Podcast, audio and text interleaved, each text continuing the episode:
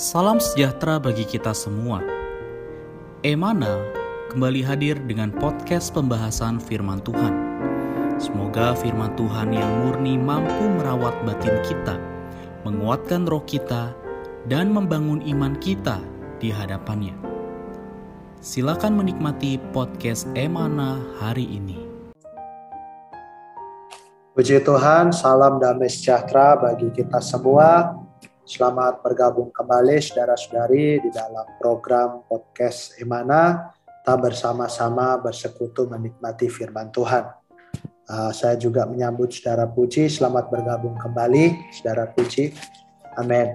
Amin. Terima kasih, Saudara Stephen. Tuhan memberkati kita semua, saudara-saudari. Senang bisa uh, kembali bersama-sama kita sharing uh, kebenaran, ya pengalaman di dalam setiap firman Tuhan. Amin. Amin. Baik, terima kasih Saudara Puji. Nanti akan bersekutu lebih banyak lagi. Uh, saya ingin menyampaikan bahwa hari ini kita akan membahas satu topik ya yang judulnya adalah jangan menganggur. Nah, topik ini diambil dari pembacaan di dalam Matius pasal 19 ayat 16 sampai pasal 20 ayat 16.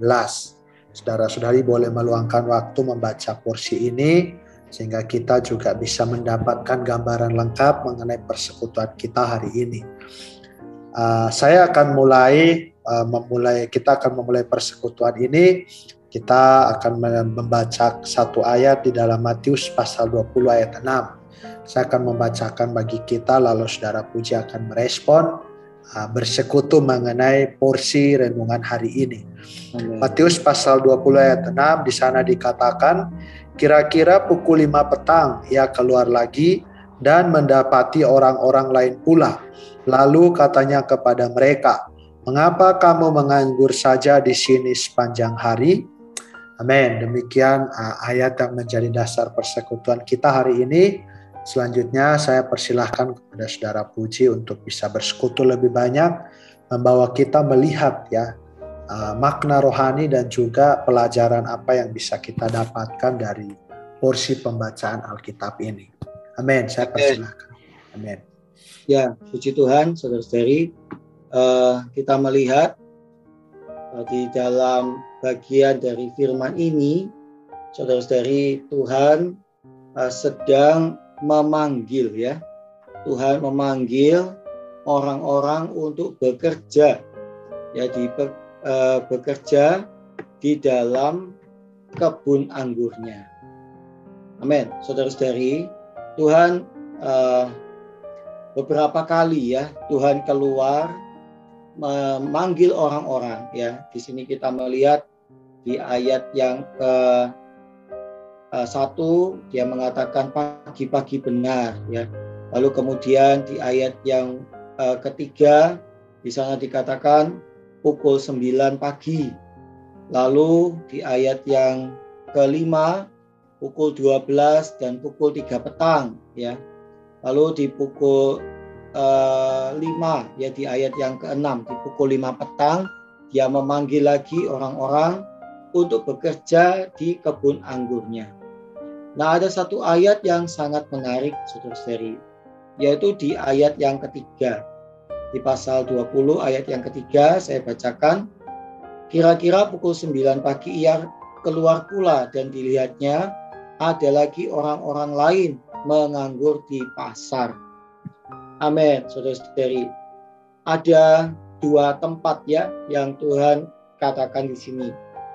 Yang pertama adalah kebun anggurnya, ya kebun anggur milik Tuhan. Yang kedua adalah di pasar. Saudara-saudari, di kebun anggur milik Tuhan, ya Tuhan mengatakan bahwa di sanalah orang itu bekerja, ya. Tuhan memanggil pekerja-pekerja untuk bekerja ya di kebun anggurnya. Lalu saudara-saudari, amin di pasar, nah Tuhan tidak mengatakan orang-orang itu bekerja di pasar, tetapi orang-orang itu Tuhan katakan menganggur di pasar. Amin. Saudara-saudari, seolah-olah ya di ayat ini kita melihat suatu pelajaran rohani yang sangat dalam bahwa uh, siapa saja yang tidak bekerja ya di dalam pekerjaan Tuhan, Tuhan menganggap mereka itu sebagai seorang yang menganggur, saudara-saudari. Uh, saudara-saudari saya uh, pernah juga memiliki pekerjaan di pasar ya, saudara-saudari. Saya pernah bekerja selama sejangka waktu di pasar. Nah, saudari, saya melihat bahwa di pasar itu hampir ya kita bisa katakan tidak mungkin orang itu menganggur di pasar, saudari ya. Uh, anak-anak kecil saja ya yang datang ke pasar ya bukan untuk berbelanja ya mereka ini sekedar membantu membawakan barang-barang belanjaan yang berat-berat ya uh, mungkin memindahkan barang-barang ya, uh, kemudian uh, membersih-bersihkan. Mereka ini mendapat upah, ya saudara-saudara ya. Kalau membawakan barang yang berat mungkin diberikan upah yang uh, tidak seberapa ya. Uh, kalau membantu yang lain ada upahnya. Semua itu pasti ada upahnya ya kalau di pasar itu ya. Sangat sulit mendapatkan orang itu sampai menganggur ya artinya tidak melakukan apa-apa ya. Saudara-saudari, amin. Tetapi di mata Tuhan, saudara-saudari, orang-orang yang sibuk demikian di pasar, di mata Tuhan mereka adalah orang-orang yang menganggur. Saudara-saudari, hari ini ya kita mendapati bahwa walaupun kita mempunyai banyak kesibukan, ya setiap kita pasti memiliki kesibukan kita masing-masing uh, saudara-saudari yang sekolah, saudari yang kuliah, saudari sibuk ya di uh, studi saudara-saudari sekalian di pendidikan saudara-saudari. Ada yang sibuk mencari nafkah, ada yang sibuk merawat uh, anak ya, ada ada yang sibuk uh, mengatur uh, rumah tangga. Saudara-saudari, semua kita memiliki kesibukan.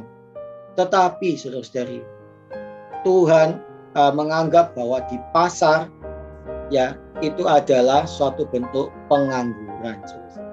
Tidak bekerja di ladang Tuhan adalah tidak bekerja bagi Tuhan ya. Dan itu adalah satu bentuk pengangguran.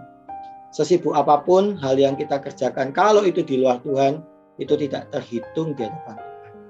Nah, karena itu puji Tuhan kita melihat di sini amin Tuhan itu memanggil sampai berkali-kali ya bahkan menjelang malam pun Tuhan itu tetap memanggil. Hari ini saudara-saudari semoga kita adalah juga orang-orang yang mendengar panggilan Tuhan. Saudara-saudari, kita perlu bekerja di kebun anggur milik Tuhan. Saudara, apa ini kebun anggur milik Tuhan? Ya, kebun anggur milik Tuhan adalah apa? Pekerjaannya di dalam hidup gereja, saudara-saudari. Di dalam Yohanes ya pasal 15 Tuhan mengumpamakan dirinya sendiri sebagai pokok anggur dan kita adalah ranting-rantingnya.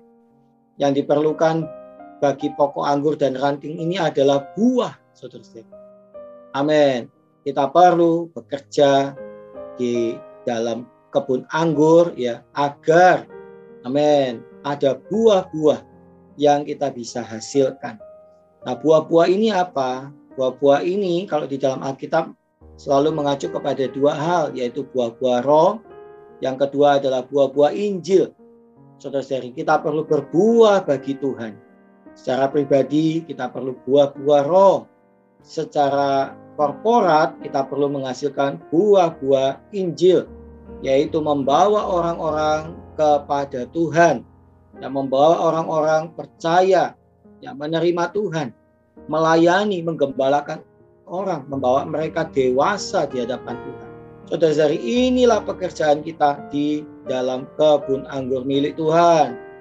Dan setiap orang yang bekerja di kebun anggur ini, semua mendapat upah yang sama.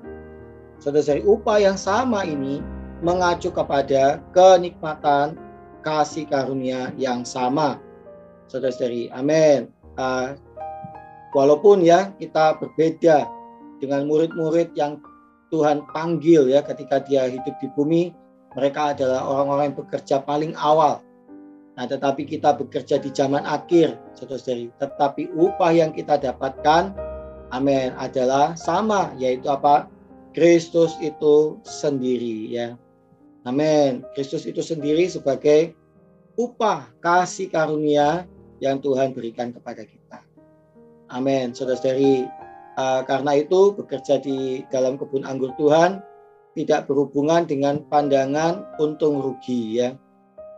Uh, atau pandangan komersial ya bahwa orang mengatakan kalau saya makin banyak bekerja bagi Tuhan, Tuhan akan memberikan saya upah lebih banyak. Tidak. Sorry. Upahnya sama ya. Upahnya berdasarkan kasih karunia yang Tuhan tetapkan bagi kita semua. Amin. Puji Tuhan, mari kita menjawab panggilan Tuhan. Mari kita mempersembahkan diri kita, waktu kita, tenaga kita, harta benda kita, kita persembahkan untuk melayani Tuhan. Amin. Amin. Puji Tuhan. Terima kasih saudara Puji uh, sungguh satu persekutuan yang sangat mendorong ya bahwa hari ini sesibuk apa pun kita ya kalau kita tidak sedang bekerja di dalam kebun anggur Tuhan maka di pandangannya kita sedang menganggur semoga kita semua bukan orang-orang yang menganggur ya saudara-saudari tapi Amen. kita juga boleh merebut kesempatan menjadi pekerja-pekerja yang terpanggil untuk bekerja di dalam kebun anggur sehingga hasilnya kita mendapatkan upah yang sama, yaitu kenikmatan atas diri Kristus sendiri. Men, untuk menutup persekutuan kita, saya minta dalam kasih, sekali lagi saudara puji bisa memimpin kita dalam doa. Amin. Amin. Mari kita berdoa, saudari. Amin.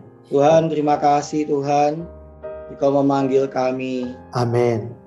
Untuk bekerja di kebun anggur milikmu. Amin. Tuhan, hari Tuhan Engkau mau Tuhan kami menghasilkan buah bagi kemuliaan Bapa. Amin. Tuhan, Tuhan Yesus, Tuhan biarkanlah kami ya Tuhan boleh mempersembahkan waktu kami. Amin. kami, diri kami, harta ya. benda kami. Amin. Boleh Oh, kami mau Tuhan pakai kami Tuhan. Amin. Waktu, oh di sisa waktu yang ada, Tuhan di sisa waktu yang masih ada ini, yang masih kami miliki ini kami boleh persembahkan untuk Tuhan. Amin. Oh Tuhan Yesus, kami Tuhan percaya Yesus. Tuhan. Tuhan kau memberikan kepada kami upah. Amin. Tuhan, oh Tuhan yaitu dirimu sendiri. Kamu menjadi bagian kekal kami Tuhan. Tuhan Yesus terima kasih Tuhan. Tuhan buat kami oh, mendengar panggilanmu, buat kami menjawab oh, panggilanmu dengan mempersembahkan diri kami. Amin. Amin. Puji Tuhan, terima kasih untuk persekutuannya hari ini. Semoga Amen. di lain waktu saudara Puji juga bisa hadir membagikan firman Tuhan lagi. Juga untuk saudara-saudari, semoga tetap setia yang mendengarkan podcast Emana dari masuk layar juga boleh semakin mengenal kebenaran. Tuhan memberkati kita semua. Sampai jumpa di dalam podcast yang berikutnya. Amin. Amin. Sekian pembahasan firman porsi hari ini. Sampai jumpa di podcast berikutnya. Jangan lupa untuk download aplikasi Emana pada handphone Anda untuk manfaat yang lebih banyak. Tuhan Yesus